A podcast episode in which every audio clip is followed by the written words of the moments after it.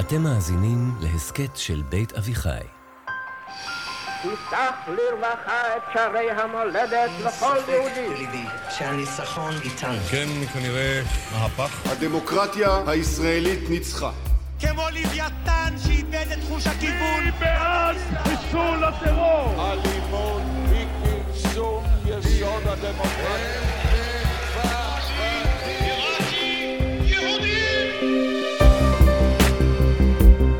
שלום, אני אפרת שפירא רוזנברג ואתן מאזינות ומאזינים לעונה השלישית של מפלגת המחשבות. ההסכת שבו יחד עם דוקטור מיכה גודמן אנחנו צוללים אל עומק הרעיונות שמאחורי הפוליטיקה הישראלית. בשני הפרקים האחרונים ניסינו להאזין באופן רדיקלי לסנטימנט הרעיוני שמניע את תומכי הרפורמה ולסנטימנט הרעיוני שמניע את מתנגדיה. בפרק הזה, הפרק השלישי שמסיים ומסכם את הגיחה המהירה והחריגה שלנו אל תוך האקטואליה הבוערת, לא ננסה להקשיב לטיעונים, ננסה להקשיב למציאות. והמציאות היא, בלשון המעטה, מאוד מוזרה. כדי להבין עד כמה המציאות הישראלית היא מוזרה, אנחנו לא צריכים להבין את המהלך של יריב לוין, ואנחנו אפילו לא צריכים להבין את המהפכה החוקתית של אהרן ברק. אנחנו צריכים ללכת אחורה להחלטה הדרמטית והשנויה במחלוקת של דוד בן גוריון. כי בקצה השני של ההחלטה הזאת עומדת התשובה לשאלה האם היום אנחנו על סיפו של משבר חוקתי, או שאולי אנחנו דווקא בפתחו של רגע חוקתי. שלום מיכה. שלום אפרת. הרבה מדברים פה על המשבר החוקתי שאולי אנחנו על סיפו, אולי הוא יקרה או שהוא לא יקרה. משבר חוקתי אולי יהיה, אבל מה שבטוח זה שמה שיש כבר עכשיו זה כשל לוגי חוקתי. כשל לוגי חוקתי. וכדי להבין את המשבר החוקתי שאולי יקרה ואולי לא יקרה, חייבים להבין את מה שאנחנו כבר בתוכו. את הכשל הלוגי החוקתי שישראל בתוכו, לא מהיום ולא מ- מלפני 30 שנה, אלא כבר הרבה הרבה יותר זמן. צריך פה איזה, איזה disclaimer. Disclaimer, כן. כן. הביטוי כשל לוגי חוקתי, הוא לא, לא ימצאו אותו בטקסטבוקים של, של משפט חוקתי. זה לא חלק מהז'רגון לא, המקצועי. לא, לא, זה כאילו, זה ביטוי שאנחנו משתמשים בו להדיוטות. נכון. בסדר? זה כדי שאנחנו כולנו נבין על מה מדובר בשפה של בני אדם, לא בשפה של משפטנים. כן, שגם הם בני אדם, יש, כן. יש הטוענים שגם הם בני אדם. כן, זה המושג שחשבנו עליו כדי להבין את המוזרות החוקתית שבה ישראל נמצאת, ואולי זאת הגדרה נכונה. ישראל נמצאת במצב של מוזרות חוקתית. אוקיי, אז בוא נבין את המוזרות החוקתית הזאת. אז בוא נתחיל בלוגיקה החוקתית הרגילה, ואז נראה למה אנחנו פה ב... כשל לוגי חוקתי או במוזרות חוקתית גדולה. אוקיי. לוגיקה חוקתית הרגילה, ושוב פעם, לאדיוטות זה נשמע ככה. יש חוקים ויש חוקה. מה זה חוקים? זה הרבה דברים. אחד מהדברים שחוקים עושים, הם מגבילים את ההתנהגות של האזרחים. אתה רוצה לנסוע 100 קמ"ש? אתה לא יכול. למה? יש חוק. אתה רוצה לבלוע את כל המשכורת שלך? מצטערים, אתה לא יכול. למדינה מגיע נתח. למה? יש חוק. אתה רוצה לפלוש לחצר של השכן שלך כי בא לך להרחיב את הגינה? אתה לא יכול, יש חוק. אגב, זה לא כל מה שחוקים עושים, אבל אחד הדברים המרכזיים שחוקים עושים, הם מגבילים את ההתנהגות של האזרחים. מה חוקה עושה? הרבה דברים. אבל אחד מהדברים החשובים שחוקה עשה, היא מגבילה את ההתנהגות של החוקים. Mm. או אם את רוצה את זה במשפט אחד לא מדויק, חוקים מגבילים את האזרחים, חוקה מגבילה את החוקים. יש חוקים לחוקים. נכון. החוקים לא יכולים אה, לפגוע בזכויות אה, טבעיות, הם לא יכולים לפגוע בזכויות מיעוטים. כן, לשלול זכויות של מיעוטים, לא יכולים... אה, רשות אחת לא יכולה לפגוע במעמדה של רשות אחרת. נכון, אמרת עכשיו חוקה גם מסדירה את היחסים בין רשויות, זה אולי הגדרה אפילו יותר טובה מחוקה. ממשל נוטה להגביל את האזרחים, חוקה מגבילה את הממשל. אוקיי. את כל זרועות הממשל, זה מה שהיא עושה. ועכשיו שיש לנו את זה, ובניסוח הכי תמציתי חוקים מגבילים את האזרחים, חוקה מגבילה את החוקים, הכי תמציתי והכי לא מדויק, בוא נחשוב על המצב בישראל. בישראל התקבעה הנורמה המוסכמה שיש לנו סוג של חוקה תוצר לוואי של פשרת הררי בנדמה לי 1950, שיש לנו חוקים רגילים וחוקי יסוד, חוקי יסוד, כך עם השנים, בעיקר מאז ברק, התקבע שלחוקי יסוד יש מעמד חוקתי. אז יופי, איזה כיף. יש לנו חוקים, ויש לנו חוקים לחוקים.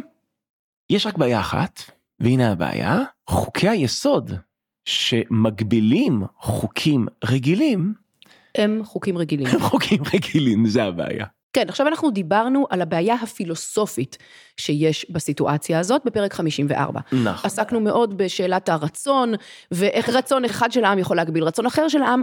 הפעם אנחנו לא מתכוונים לבעיה הפילוסופית באיך יודעים איזה רצון גובר, אלא פשוט בבעיה החוקית והחוקתית של ההתנהגות של המדינה. נכון, בגלל שאם חוקי יסוד, שהם עליונים על חוקים רגילים, נוצרים באותה הפרוצדורה שבאמצעותם נוצרים חוקים רגילים, אז נכנסים לכשל לוגי חוקתי. וגם פה, זאת ההזדמנות, אה, לגאול את המילה פרוצדורה מאיזושהי אה, בעיה קשה מאוד ביחסי הציבור שיש לה. אני חושבת שהיא קשורה לאיתן כבל והאמירה המפורסמת שלו, רינה, את לוקחת אותי לפרוצדורה.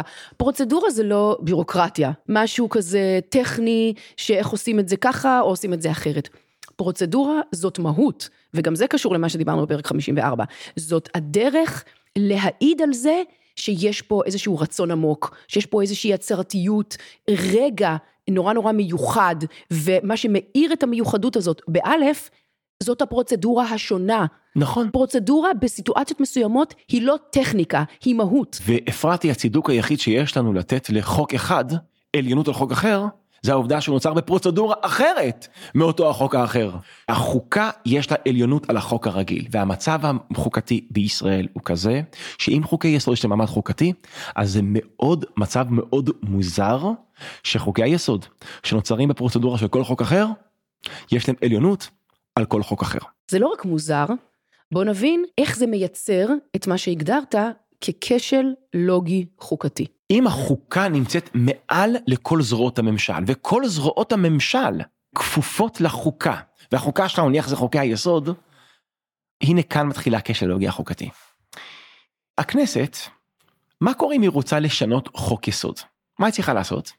להפעיל פרוצדורה של כל חוק רגיל. וכדי לשנות חוק יסוד. והאמת שהיא עשתה את זה כבר כמה פעמים רק לאחרונה, רק כן. בשנים האחרונות. בשביל לפתור בעיה פוליטית קטנה, צרה, זמנית ומקומית. שאם אני זוכר נכון, גנץ לא סמך על נתניהו שהוא ימלא את החלק שלו ברוטציה. נכון. אז כדי לפתור את בעיית חוסר אמון בין שתי פוליטיקאים ברגע מסוים בזמן, מה עשו? נכנסו לחוק יסוד הממשלה, ושינו את חוק יסוד הממשלה. והמציאו את הדבר הזה של אין, אין, ראש, ראש ממשלה חלופי. חלופי, וככה פתרו איזושהי בעיה פוליטית מקומית בין שתי אנשים מאוד מאוד ספציפיים. ואז מה קורה? אם בפרוצדורה כל כך פשוטה אפשר לחוקק חוק יסוד, כאן נחשף הקשר הלוגי החוקתי, זה נראה ככה, חוקי יסוד אמורים לשלוט על ההתנהגות של המחוקקים, אבל מסתבר שהמחוקקים יכולים לשלוט על אותן חוקי יסוד. ואז אפרת, אם המחוקקים שולטים על חוקי היסוד ששולטים עליהם, את בכשל לוגי חוקתי שמשמעו האמיתית, שום דבר לא שולט על המחוקקים. ואת יודעת מה? זה גם נכון לא רק לגבי המחוקקים, זה נכון גם לגבי בית המשפט. בית המשפט. בית המשפט העליון, מאז המהפכה, החוקתית של ברק, אומר אני יכול לפסול חוקים רגילים אם הם מתנגשים בחוקי יסוד. זאת אומרת מה שמסמיך את בית המשפט העליון. אה, לפסול חוקים רגילים זה חוקי יסוד שהם מעל לבית המשפט העליון כי החוקה היא מעל לכל זרועות השלטון הרשות השופטת והרשות המחוקקת והרשות המבצעת. אבל אז ב2018 אחרי שנחקק חוק יסוד הלאום בית המשפט העליון מתכנס ודן בחוקיות של חוק היסוד. עכשיו הוא החליט שהוא כן חוקי אבל באותו הרגע שבו הוא התכנס הוא בעצם הצהיר לנו הצהיר מול כולנו שהוא סבור שהוא מעל לחוק היסוד. אז תראי את המשחק, אם המחוקקים הם מעל לחוק היסוד, ואם בית המשפט הוא מעל לחוק היסוד, המחוקקים יכולים לשנות חוקי יסוד, אם הם רוצים, בפרוצדורה של חקיקה רגילה, ובית המשפט העליון יכול לבטל חוקי יסוד. אגב, כרגע ברוב רגיל, יוצא שהחוקה שאמורה להיות מעל לזרועות הממשל, למעשה נשלטת על ידי זרועות הממשל. כולם. כולם. זאת אומרת, נראה לי שכל זרועות הממשל אומרות את המשפט הבא. מה שווים חוקי היסוד אם אנחנו לא יכולים לשלוט בהם? נכון. עכשיו בוא ננסח את זה כקשר לוגי. מה שווים חוקי היסוד ששולטים עלינו אם, אם אנחנו לא יכולים לשלוט בהם. יכולים לשלוט עליהם. זה הקשר הלוגי החוקתי המיוחד שלנו. משל למה הדבר דומה? נניח, אה, את יודעת שמאוד מעניין אותי האופן שבו אנחנו מתמכרים למסכים דיגיטליים. כן, הספר מהפכת כן. הקשב. אז אחד הפתרונות להתמכרות הדיגיטלית שלנו זה להגיד, היי, אני מוריד אפליקציה, שהיא תגביל את ההתנהגות הדיגיטלית שלי. אז האפליקציה תשלוט עליי. כן, כי כולנו יודעים שאנחנו בעצם לא שולטים בזה, ואנחנו מכורים, ואנחנו לא סומכים על עצמנו, שאנחנו נשלוט בזה. אז אני מוריד אפליקציה שאומר, אוקיי, אחרי שעתיים בוואטסאפ כל יום, הוואטסאפ נכבה ואני לא יכול להדליק אותו עד למחרת. העניין הוא, וזה נוסע בכל העולם, כל מי שהוריד את האפליקציה הזאת, כשהאפליקציה הזאת תשלוט עליו, מה הוא או היא עושים איך שהם מסתיימים השעתיים האלה? נכנסים לאפליקציה ומוסיפים עוד שעתיים. אז אם אתה שולט על מה שאמור לשלוט עליך, שום דבר לא שולט עליך.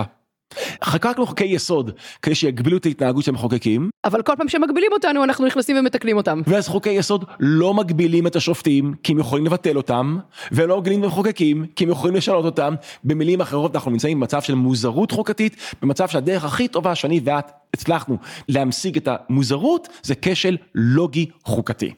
ודרך אגב, תומכי רפורמה יקרים, גם אחרי שהרפורמה תעבור, כי אתם תעבירו אותה בפרוצדורה של חוק רגיל, כשהשלטון יתחלף, ומי שעכשיו באופוזיציה יהיה בקואליציה, גם הוא יבטל את הרפורמה הנוכחית, באמצעות הפרוצדורה של כל חוק רגיל. זאת אומרת, הרפורמה הנוכחית לא מבטלת את כשל הלוגי החוקתי, היא משתמשת בכשל הלוגי החוקתי, ולכן היא גם בסוף עשויה להיבלם באמצעות זה שהאופוזיציה בעתיד תשתמש באותו כשל לוגי חוקתי. רק אם הרפורמה הזאת תעבור בפרוצדורה אחרת, היא תהיה מוגנת מפני שינוי בפרוצדורה רגילה. זאת אומרת, המצב הבסיסי של ישראל שבו אנחנו במצב של מוזרות חוקתית, שבו מוסדות השלטון שולטים על העיקרון שאמור לשלוט עליהם, זה כאן אולי נמצאת לב הבעיה. תראה, הכשל הלוגי או המוזרות החוקתית הזאת של ישראל, היא לא נולדה בסיטואציה הנוכחית שאנחנו נמצאים בה, כן, מההצעה של לוין ורוטמן, היא אפילו לא נולדה במהפכה החוקתית של ברק. נכון. האמת היא שהיא קיימת כבר הרבה מאוד שנים. היא התחילה, האמת היא, כמעט ברגע הקמת המדינה. המוזרות החוקתית של ישראל קשורה למוזרות שבה קמה ישראל. אז לפני שאנחנו נתאר את המוזרות של הדרך שבה ישראל קמה, בואו נתאר רגע איך זה אמור לעבוד לפי הספר. אחלה, זאת אומרת נתאר איך מדינה דמוקרטית אמורה לקום, ואז נראה איך אנחנו קמנו, וזה אולי יסביר הכל. נכון. אוקיי. אז איך זה, כשפותחים את ה textbook, כזה ה textbook שמישהו כתב, איך מקימים מדינה דמוקרטית, ליברלית, חוקתית, מה כתוב שם בספר הזה? אז רק שאף אחד לא ישמע את מה שאתה אומר באופן מילולי, לא נראה לי שיש textbook כזה, ברור. אבל יש הרבה תקדימים שבעצם, כן. תחשבי, אמ, הנה אנלוגיה די טובה, חקיקה, יצירת חוקים, זה משחק רציני מאוד. אבל זה משחק שיש חוקים למשחק. אם המשחק, נניח זה כדורסל, אז החוקה זה השאלה, איך משחקים את המשחק. כן. זאת אומרת, אני מניחה ש...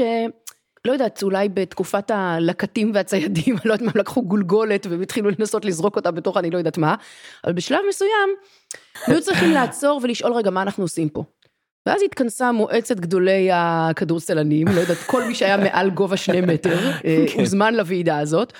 היה צריך לשבת ולהחליט מה הגודל של מגרש שמשחקים עליו, מה הגובה הסטנדרטי של מה הסל, הגובה של סל, אולי מה המשקל של כדור, מה נחשב צעדים, מה מותר לעשות ומה אסור לעשות, כמה שחקנים. כמה שחקנים יש בכל קבוצה, נכון, נכון? נכון. ומהרגע שאני לא יודעת מה, הם אה, כזה חתכו ולחצו ידיים עם דם, אני לא יודעת איך מה עשו אז, אוקיי, מעכשיו אפשר להתחיל לשחק. אומרת, ברגע שקבעו את כללי המשחק, היה אפשר להתחיל לשחק את המשחק, ולהפסיק לחשוב על כללי המשחק, רק ליישם את כללי המשחק, ולהתחיל לחשוב על איך לשחק את המשחק, איך להתמסר, איך לקלוע, לקלוע מהשלוש, להטביע, הכל מצוין, והנה האנלוגיה איך קמה דמוקרטיה, קודם מחליטים על כללי המשחק, על החוקה, ואז רק מתחילים לשחק את המשחק, את החקיקה, ואת המשילות, ואת בניית המדינה. כן, עכשיו צריך להגיד, תראה, זה, אה, אה, מדעי המדינה, ואנחנו לא נכנסים לפה, לא רק שאנחנו לא לא. משפטנים, אנחנו גם לא לא מדעני מדינה. יש מדינות שהיו קיימות הרבה מאוד שנים, ואז ברגע מסוים בהיסטוריה שלהם החליטו שהן רוצות להפוך להיות דמוקרטיות ליברליות, ואז היה הרגע החוקתי שלהם. ויש מדינות שבאמת קמו מאפס, אה, כמעט מאפס, כמו ארה"ב, ש- ששם זה באמת עבד לפי הספר, נכון? נכון. התכנסו כמה אנשים חכמים מאוד, נכון, בפילדלפיה, ב-1787, constitutional convention, החליטו על החוקה, ואז אחר כך הקימו את כל מוסדות השלטון האמריקאים בהתאם למה שהם קבעו בחוקה. אומרת, על פי הספר הם פעלו. כן. הם החליטו את כללי המשחק, ואז הם התחילו לשחק את המשחק. והרבה פעמים מאשימים אותנו במרכאות שאנחנו הולכים לאמריקה, אז בואו נלך לצד השני של העולם, הודו, מדינה שהרבה יותר דומה לנו, גם בגיל שלה, גם בהרכב דמוגרפי שלה, יש רוב לאומי ודתי אחד, עם מיעוטים לאומיים ודתיים אחרים, הייתה שם סוג של מלחמת עצמאות אה, כזאתי, היו את הבריטים, כן? זה אה, ממש סיפור שלה, מאוד מאוד דומה. וגם שם הלכה קבוצה של לדעתי משהו כמו 300 איש, וישבו על המדוכה כמה חודשים, יצרו חוקה, המדינה קמה לפי החוקה הזאת, גם בהודו זה עבד לפי ה textbook. ואת יודעת מה אפרת? ישראל אמורה הייתה לעבוד על פי ה textbook. נכון. כמו ארצות הברית, כמו הודו, סדר הדברים היה אמור להיות ככה. קודם נייצר חוקה, ואחר כך נתחיל לחוקק חוקים בהתאם לכללים שקבענו בחוקה. איך אתה יודע את זה? כי לנו אכן יש textbook. קוראים לטקסטבוק שלנו מגילת העצמאות. נכון. ואני חושבת שהפסקה הזאת היא הפסקה הכי לא מוכרת של אה, מגילת העצמאות. ולענייננו ברגע ההיסטורי הזה אולי הכי חשובה. ומה שכתוב בפסקה הזאת, אנו קובעים שהחל מרגע סיום המנדט, הלילה, אור ליום שבת ו' אייר תש"ח, 15 במאי 1948, ועד להקמת השלטונות הנבחרים והסדירים של המדינה, בהתאם לחוקה שתיקבע על ידי האספה המכוננת הנבחרת וכולי. זאת אומרת על פי מגילת העצמאות ישראל צריכה להיות מדינה נורמלית שתקום כמו כל דמוקרטיה נורמלית. וסדר הדברים הוא כך. קודם תוקם אספה מכוננת. איך היא תוקם? אזרחים. ילכו להצביע בעד נציגיהם לאספה המכוננת. אספה המכוננת תפקידה לא לחוקק חוקים אלא לכונן חוקה. זה שלב א'. שלב ב', האספה המכוננת מתפזרת. יוצאים לבחירות ובוחרים כנסת, פרלמנט. בהתאם לאיזה כללים יוצאים לבחירות? מה שייקבע בחוקה. ובהתאם איך יחוקקו בפרלמנט, בהתאם למה שבחוקה, במילים אחרות היינו אומרים קודם להחליט את כללי המשחק, ואז להתחיל לשחק את המשחק. עכשיו, כיוון שאין ואקום, צריך להגיד, הסוף של הפסקה הזאת אומרת שעד שהדבר הזה יקרה, יש מוסדות זמניים. נכון, יהיו מוסדות מחוקקים. זמניים, מועצת מדינה זמנית, וממשלה זמנית, וכל הדבר הזה יקרה, אבל כל אלה יהיו זמניים עד שתכונן החוקה, וכל העסק יתחיל מחדש. נכון. על פי התכנון היינו אמורים לפעול על פי הטקסטבוק, כמו רוב הדמוקרטיות הנורמליות שבעולם. אבל אז מה קרה? התחלנו לפעול על פי הטקסטבוק. ב-49 זה מדהים, אני, אני, בכל האירוע החוקתי הזה, לדעתי לא מדברים על הדבר הזה מספיק. נכון, אני חושבת שאנשים לא יודעים את זה. בינואר 49 אזרחי ישראל יצאו להצביע, אבל הם לא יצאו להצביע לפרלמנט, לכנסת. הם יצאו להצביע בעד נציגיהם באספה המכוננת. והבחירות האלה, אני חושבת שהן היו הבחירות עם אחוז ההצבעה הגבוה ביותר בתולדות המדינה. כמעט 90 אחוז. כן. ערנות ציבורית גבוהה הולכים להצביע עבור הנציגים שלנו שיעשו עבורנו חוקה, ואז מתחילים דיונים על החוקה, ובאיזשהו שלב, האב המייסד, הגדול מכולם, בן גוריון אמר, אתם יודעים מה, בואו לא נעשה חוקה. אז מה נעשה? סתם בואו נתחיל לחוקק חוקים. זאת הוא בעצם אמר, אין לנו זמן עכשיו להתעסק באספה מכוננת וחוקה, בוא נתחיל פשוט להיות הכנסת. כן, המהלך הזה של בן גוריון זה כמו שהנציגים האמריקאים שהלכו ב-1787 לפילדלפיה לוועדה החוקתית שלהם, הם פתאום מחליטים, אתם יודעים מה, בואו פשוט נחליט שאנחנו הקונגרס ונתחיל לחוקק חוקים. הוועדה שאמורה לקבוע את הכללים לאיך מחוקקים חוקים, היא פשוט מחליטה, עזבו אתכם מהכללים, בואו פשוט נתחיל לחוקק את החוקים. עכשיו תראי יפעת, אני יודע איך אנחנו נשמעים, אנחנו מצטרפים פה לטרנד ולז'אנר להאשים את דוד בן גוריון בכל הבעיות שלנו. הבעיה הפלסטינאית זה בגללו ישראל הראשונה והשנייה, זה בגללו הסטטוס קוו עם החרדים ודת ומדינה, זה בגללו הכל באשמתו. אז אישית לפחות אני לא רוצה להצטרף לטרנד הזה בגלל שהיה להם אתגרי ענק. הרגע המכונן של מדינת ישראל זה רגע שאתגרים בלתי נתפסים. אני רוצה להתפשר על המשפט הבא, אני מקווה שתסכים איתי. זה שאנחנו בכשל לוגי חוקתי, הבעיה הזאת כמו הרבה בעיות, הן בגללו, אבל לא באשמתו. אוקיי, היו לו גם סיבות, הוא לא סתם אמר לא בא לי, הוא אמר חוקה צריכה להתכונן כשרוב העם היהודי נמצא כאן, ופה רוב העם היהודי באופן מובהק לא היה כאן, היו כאן 600 אלף אה, יהודים, אז אולי זה לא הרגע נכון להחליט על חוקה. היו לו סיבות טובות, בוא נתפשר, כל הבעיות שלנו היום קשורות לעובדה להחלטה המכוננת ה- לא עשתה את תפקידה. נכון. אני לא רוצה להאשים אותם, היה להם אתגרים גדולים, אבל זה בגללם. אתה לא מאשים את בן גוריון, אבל יש מישהו שכן האשים אותו, נכון. מנחם בגין. מנחם בגין. אבל הוא האשים אותו לא... הוא לא היה בטרנד של כל מה שרע במדינה זה בגללו, אלא באותו הרגע כן, עצמו. בזמן אמת. בזמן אמת, אני רוצה, אולי זו הזדמנות להקריא את הדברים של בגין, הם מאוד בהירים. בגין שואל ב-1950, במה בחרנו? צריך לדמיין את זה עם הפאתוס של בגין. כן. במה בחרנו? בבית נבחרים? בפרלמנט רגיל? בבית מחוקקים רגיל? ואז אומר בגין, הלכנו לבחירות, לבחירות לאספה מכוננת. בהמשך הוא אומר, החובה שהוטלה עליכם היא אחת, לחוקק חוקה, ואחר כך להתפזר ולערוך בחירות חדשות. בהמשך הוא יגיד, כולכם הלכתם לבחירות לאספה המכוננת, ואף אחד מכם לא גילה לעם שלא תהיה חוקה. הכשל הלוגי החוקתי שלנו הוא הרגע הבראשיתי.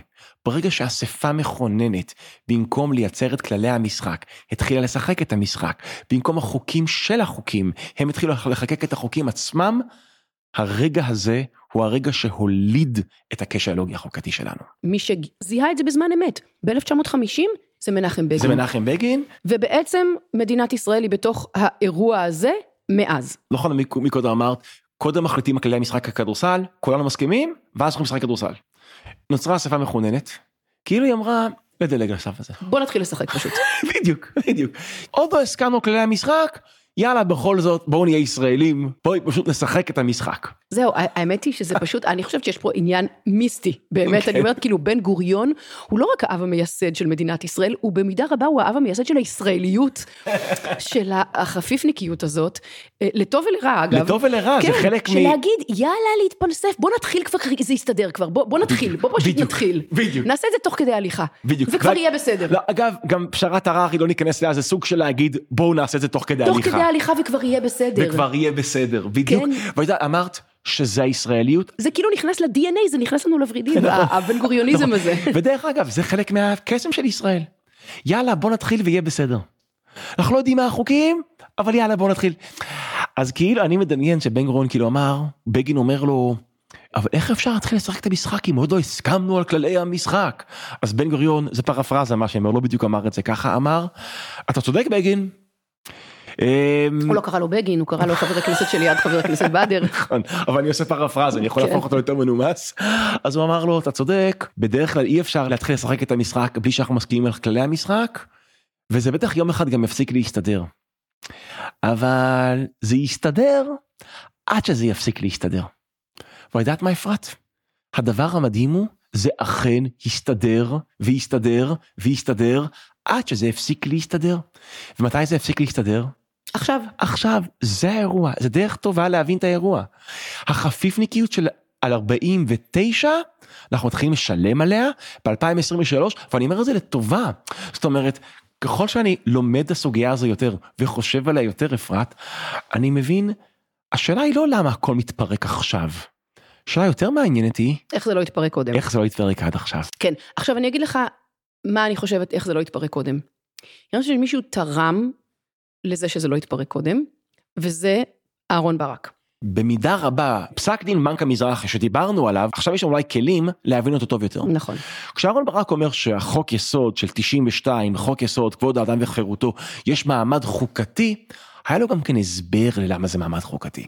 זה תורת שני הכובעים. לכנסת יש לא כובע אחד אלא שתי כובעים. היא גם רשות מחוקקת, חוקים רגילים, והיא גם אספה מכוננת שבו היא קובעת את החוקים של החוקים הרגילים. ולמה היא אספה מכוננת? עכשיו יש לנו את הכלים להבין את זה. למה היא גם וגם? כי בעצם הבחירות הראשונות שיצרו את הכנסת, הם היו בחירות לאספה המכוננת שלא התממשה. תראה, אני חושבת שאהרון ברק עשה פה מעשה שיש בו מן המיסטיקה. הוא בעצם אומר, כיוון שהאספה המכוננת מעולם לא יצרה חוקה, היא מעולם לא התפזרה ומעולם לא הלכו לבחירות חדשות לכנסת, בעצם בכל כנסת שנבחרת מאז, יש אחד משישים מאספה מכוננת. זה בדיוק מה שאומר בבנק המזרחי, שכביכול הכנסת הראשונה הייתה אספה מכוננת, היא לא יצרה חוקה, אבל היא לא ויתרה על הסמכות שלה לייצר חוקה. בדיוק. והכנסת שבאה אחריה, ירשה את הסמכות הזאת. והכנסת שבאה אחריה, ירשה את הסמכות הזאת. שאני לא זוכר איזה מספר כנסת זה ב-92, אבל אומר ברק, כשהיא חוקקה את חוק יסוד כבוד האדם וחירותו, היא עשתה את זה בכובעה כאספה מכוננת שהיא ירשה מאותה אספה מכוננת הראשונה נכון. שבגין כעס שהיא לא מממשת את המנדט שהיא קיבלה נכון. מהעם. כאילו כל חוק יסוד הוא מעין מימוש של אותה אספה נכון. מכוננת של אז. אז בעצם ברק ב-95 פונה לכנסת ואומר תקשיבו יש לכם כוחות שלא ידעתם שיש לכם. כוחות על. כוחות על. אתם לא סתם מחוקים חוקים רגילים, אתם גם יכולים לקבוע את הכללים של החוקים הרגילים. גם את החוקה וגם את החוקים. יש לכם לא כובע אחד, שני כובעים, ואז אומר ב-95, ברק, ב-92 ראיתי לכם את הכובע. ראיתי שחבשתם את הכובע של האספה המכוננת שירשתם אי פעם מ-49. אגב, אני מדמיינת את הכובע הזה כמצנפת המיון מהארי פוטר, זה כזה כובע מאוד מאוד ישן, מאוד מרופט, שיש לו רצונות משל עצמו. נכון. כשיריב לוין בא לעשות רפורמה חוקתית, מאיפה הוא חושב שיש לו סמכות? לא רק לחוקק חוקים רגילים, אלא לחוקק חוקי יסוד ולשנות חוקי יסוד ולקבוע את חוקי המשחק. מאיפה הוא קיבל את זה? כי הוא מאמין שבתור חבר כנסת, יש לו גם את הכובע שהאספה מכוננת. הוא קיבל את תורת שני הכובעים מאהרון ברק. בדיוק. כשאהרון ברק אמר על הכנסת ב-92 לבשתם את הכובע של האספה המכוננת, הוא בעצם, ככה ניסח את זה מישל חשין, במעשה כשפים נתן עוצמות לכנסת. אתם אספה מכוננת, פוף, תחת הרעיון שאתם ירשתם לא את זה. סתם זה עשה לי את האסוציאציה של הארי פוטר. נכון, זה חשי. זאת אומרת, הוא כביכול מאוד העצים את הכנסת, אבל הפרדוקס היפה של ברק, הוא העצים את הכנסת כדי להחליש את הכנסת. הוא אמר, אתם אספה מכוננת, יש לכם את הכוח להגביל את עצמכם כשאתם בכובע של אספה מחוקקת. בעצם מה אומר יריב לוין? תודה רבה ברק על הכובע. תודה רבה שאתה העצמת אותנו. רק מה, מר ברק, אתה העצמת אותנו כדי להחליש אותנו, אני די לינארי. אני מבין שאתה העצמת אותנו ונתת לנו את העוצמה לחזק את עצמנו ולהחליש אתכם, את בית המשפט העליון. זאת אומרת, ברק, אמ, זרע את הזרע. בן גוריון זרע את הזרע. ברק השקע אותו. השקע אותו, לוין מממש אותו. ועכשיו אנחנו בשלים בעצם לשאול, אז מה עכשיו? אוקיי, אז כאן אני רוצה להיעזר בברוס אקרמן, אולי אחד מגדולי המשפטנים, המשפטנים החוקתיים בעולם. הוא אומר, הרגע החוקתי, אותו רגע שבו יש אפשרות לאומה לייצר את החוקה שתגביל את החוקים, שכבר אמרנו שזה הרגע שבדרך כלל קורה בתחילת הדרך, נכון. בנקודת האפס של יצירת האומה, ברוס אקרמן אומר, לפעמים ההיסטוריה מעניקה לאומה הזדמנות שנייה. עוד רגע חוקתי, ולפעמים גם שלישית. אבל רגע חוקתי, כדי שיהיה רגע בהיסטוריה של אומה, שהוא לא הרגע המייסד והמכונן, שיהיה גם רגע חוקתי, צריכים להתקיים כמה תנאים. תנאי אחד, שהעם או הציבור הרחב, הערנות הפוליטית שלו, תהיה ערנות גבוהה והיא תעסוק בחוקי המשחק. עכשיו זה לא דבר רגיל, בדרך כלל אומה, אם היא פספסה את הרגע החוקתי הראשון שלה, קשה לה לייצר עוד רגע חוקתי, כי בדרך כלל תשומת לב הציבורית מופנית למשחק ולא לחוקי המשחק. נלך למשל שלנו על הכדורסל, אוהדי הפועל ירושלים יכולים להתווכח בלהט האם הקבוצה צריכה להיכנס פנימה ולהטביע, כי יש לה יתרון גובה, או לצלוף מהשלוש, כי יש להם שחקן שהוא מאוד מוכשר לכך. זה תמיד ויכוחים על איך לשחק את המשחק. את לא היית עדה, ואני אף פעם לא הייתי עד, לוויכוחים בין אוהדים על השאלה, מהו המשקל התקני של כדורסל? מהו זה בב- בבית המדרש של הכדורסלנים אולי זה. נכון. מהו הגובה הסטנדרטי של סל? מה נחשב לצעדים? לא, אוהדים מתווכחים על המשחק, אבל הם מסכימים על חוקי המשחק. באופן אנלוגי לגמרי, אזרחים בדמוקרטיות מתווכחים על המדיניות של הממשלה. שזה המשחק. זה המשחק. גובה המס, דת ומדינה, שלום תמורת שטחים, צמצום הסכסוך, כן. ניהול הסכסוך, פתרון הסכסוך, אנחנו, אלו שאלות על המדיניות של הממשלה, לא על המבנה של המשטר. אזרחים כמו האוהדים נורא ערניים במשחק ונורא בדרך כלל אדישים לכללי המשחק. עד שיש רגע חוקתי. ופתאום משום מה, בגלל סיטואציה היסטורית בדרך כלל קיצונית, תשומת לב הציבורית נודדת מהמשחק לחוקי המשחק. אז זה תנאי אחד לכך שיהיה רגע חוקתי, ותנאי שני שצריך לייצר הסכמה רחבה. ואם יש את שני התנאים הללו, ערנות ציבורית גבוהה לחוקי המשחק, והסכמה פוליטית רחבה לאופן שבו נשנה או נהנדס את חוקי המשחק, אז יש לך רגע חוקתי, ואפרת אני רוצה לטעון שבאופן מאוד מפתיע, זה מה שיש לנו עכשיו בישראל. הקטע המבאס הוא שכשההיסטוריה בדרך כלל נותנת את המתנה הזאת של עוד רגע חוקתי, היא לא נותנת לנו מתנות חינם. נכון. בדרך כלל למתנה הזאת יש מחיר, מחיר גבוה. כי אם הרגע החוקתי הזה קורה לא ברגע המכונן של הקמת המדינה, הוא בדרך כלל קורה אחרי משבר מאוד מאוד גדול. נכון, ארה"ב שאחרי מלחמת האזרחים עשתה, אם אני זוכר נכון, שלושה תיקונים לחוקה האמריקאית, דרמטיים, וזה אחרי 620 אלף הרוגים במלחמת האזרחים. זאת אומרת, רגע חוקתי נקנה בדרך, בדרך כלל רגע שבו האומה גם מפתחת ערנות חריגה ונדירה לחוקי המשחק ולא למשחק, והם גם מצליחים איכשהו להסכים, צריך משבר גדול כדי לייצר את זה. אני רוצה לטעון אפרת, ישראל כבר קיבלה רגע חוקתי, אנחנו בתוך רגע חוקתי, אנחנו לא רואים את זה, והדבר המדהים הוא שעדיין לא שילמנו את המחיר שבדרך כלל אומות משלמות על רגע חוקתי. קיבלנו רגע חוקתי בכי, טוב אני יודע, השקל קרס, יש קצת כאוס, אבל בדרך כלל, אבל בוא יחסית... אני אגיד בצורה בוטה את מה שאתה מפחד להגיד. כן. אנחנו לפני מלחמת האזרחים. זאת אומרת, אה, בטח אה, לא מלחמת האזרחים אה, כמו שאנחנו לומדים בהיסטוריה שיכולות להיות. ואם יהיה מלחמת אזרחים, בצד השני יהיה רגע חוקתי.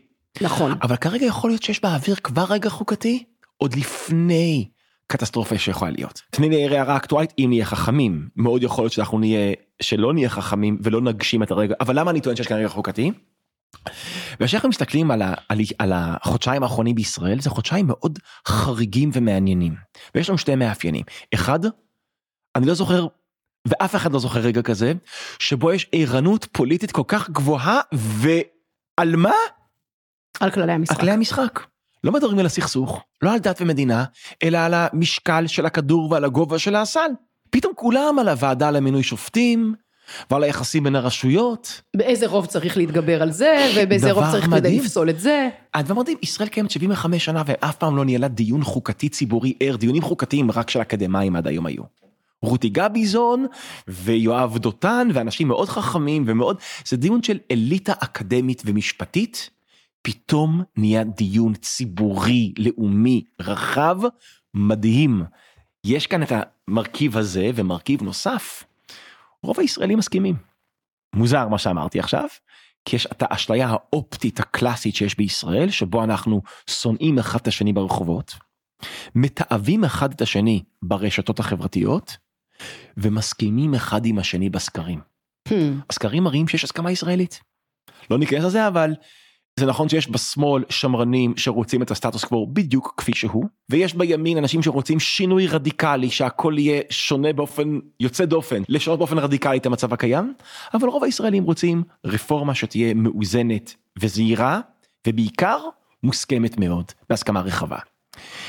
אז אם אני מחבר את שתי הסנטימנטים האלה יחד, שיש ערנות פוליטית גלויה וגבוהה, והסכמה פוליטית ממשית אבל נסתרת, אם נחבר את שתי אלה ביחד, ערנות גלויה והסכמה נסתרת, יש לנו רגע חוקתי אפרת, שקיבלנו בינתיים כמעט בחינם. איך אנחנו יכולים לנסות לתרגם את הרגע החוקתי הזה, שכמו שאתה אומר אנחנו מקבלים אותו במתנה, איך זה נראה במציאות, באופן הכי פרקטי של המילה? אופציה אחת, לא חושב שיש עכשיו אפשרות ובשלות וזמן לעשות חוקה במובן המלא של המילה. כן, לא, אי אפשר לדמיין עכשיו מצב של בחירות לאספה מכוננת, והם נוסעים לאיזה מלון אה, כרמים, ויושבים שם תשעה חודשים, ומנסחים מגילת זכויות אדם, כן, וכל הדבר חוקה. הזה כנראה לא יקרה. יש כאן רגע חוקתי שלא ילד חוקה, אבל יכול לילד הסדרה חוקתית, או כללים למשחק.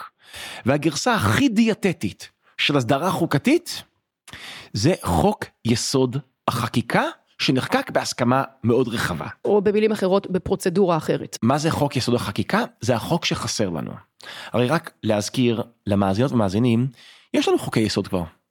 אבל רוב חוקי היסוד שלנו מגדירים את הסמכויות של מוסדות שונים של השלטון.